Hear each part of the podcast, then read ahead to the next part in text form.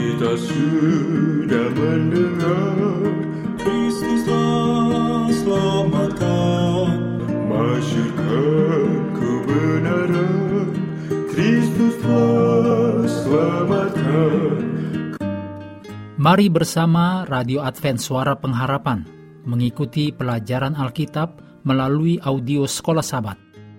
Selanjutnya, kita masuk untuk pelajaran Senin 17 Juli. Judulnya, Pernah Tertipu Oleh Keinginan Kita Sendiri. Mari kita mulai dengan doa singkat yang didasarkan dari 2 Timotius 4 ayat 18 dan Tuhan akan melepaskan aku dari setiap usaha yang jahat. Dia akan menyelamatkan aku, sehingga aku masuk ke dalam kerajaannya di sorga. Baginyalah kemuliaan selama-lamanya. Amin.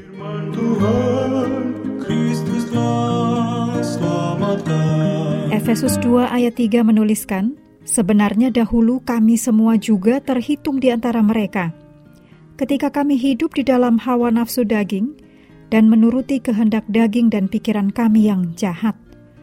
Pada dasarnya kami adalah orang-orang yang harus dimurkai, sama seperti mereka yang lain. Terlepas dari campur tangan Tuhan, keberadaan manusia tidak hanya didominasi oleh kekuatan eksternal yang disebutkan dalam Efesus 2 ayat 2, tetapi juga oleh kekuatan internal, hawa nafsu daging, dan menuruti kehendak daging dan pikiran kami yang jahat.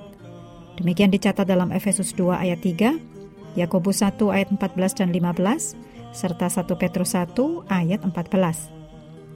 Apakah yang Paulus maksudkan dengan menyatakan bahwa para pembacanya dahulu pada dasarnya adalah orang-orang yang harus dimurkai, sama seperti mereka yang lain? seperti dicatat dalam Efesus 2 ayat 3, juga Efesus 5 ayat 6. Realitas kehidupan yang hilang saat ini cukup menyedihkan, tetapi implikasinya pada hari-hari terakhir masih lebih menakutkan. Manusia yang pada dasarnya kami adalah orang-orang yang harus dimurkai, seperti yang dicatat dalam Efesus 2 ayat 3, berada di bawah ancaman penghakiman Allah di akhir zaman. Ungkapan pada dasarnya kami adalah orang-orang yang harus dimurkai, menunjukkan kenyataan lain yang menakutkan. Sementara masih membawa gambar Allah, kita memahami bahwa ada sesuatu yang sangat salah dalam diri kita. Dengan demikian, menjalani kehidupan Kristen bukan hanya masalah menaklukkan satu atau dua kebiasaan buruk, atau mengatasi pelanggaran dan dosa apa pun yang sedang mengancam, seperti yang ditulis dalam Efesus 2 ayat 1 kita tidak hanya bersaing dengan perbuatan-perbuatan dosa, tetapi dengan inti dosa. Kita cenderung memberontak melawan Tuhan dan menuju kepada kebinasaan. Manusia secara lalai terperangkap dalam pola perilaku yang merusak diri sendiri dan berdosa, mengikuti perintah iblis. Demikian ditulis dalam Efesus 2 ayat 2. Dan keinginan bawaan kita yang berdosa itu ditulis dalam Efesus 2 ayat 3. Umat percaya pernah pada dasarnya adalah orang-orang yang harus dimurkai.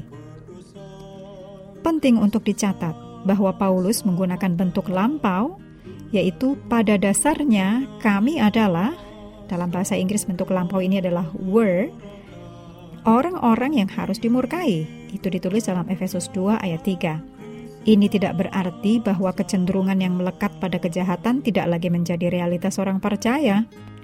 Paulus menggunakan dalam sebagian besar suratnya, yaitu dalam Efesus 4 ayat 17 sampai pasal 5 ayat 21, memperingatkan bahwa tindakan berdosa yang berakar pada sifat manusia tetap menjadi ancaman bagi orang Kristen. Namun, ini berarti bahwa manusia lama ini tidak perlu lagi mendominasi umat percaya yang melalui kuasa Kristus dapat menanggalkan manusia lama dan mengenakan manusia baru yang telah diciptakan menurut kehendak Allah di dalam kebenaran dan kekudusan yang sesungguhnya. Demikian ditulis dalam Efesus 4 ayat 22 sampai 24. Siapa yang tidak pernah mengalami betapa rusaknya sifat kita sendiri, bahkan setelah kita menyerahkan diri kita kepada Yesus.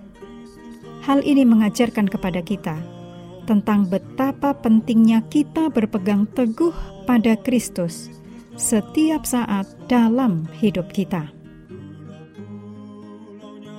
Mengakhiri pelajaran hari ini, mari kembali ke ayat hafalan Efesus 2 ayat 4 dan 5. Tetapi Allah yang kaya dengan rahmat oleh karena kasihnya yang besar, yang dilimpahkannya kepada kita, telah menghidupkan kita bersama-sama dengan Kristus, sekalipun kita telah mati oleh kesalahan-kesalahan kita. Oleh kasih karunia, kamu diselamatkan. Kami terus mendorong Anda mengambil waktu bersekutu dengan Tuhan setiap hari, bersama seluruh keluarga, melalui renungan harian, pelajaran Alkitab sekolah sabat, juga bacaan Alkitab sedunia. Percayalah kepada nabi-nabinya yang untuk hari ini melanjutkan dari Mazmur 72. Tuhan memberkati kita semua.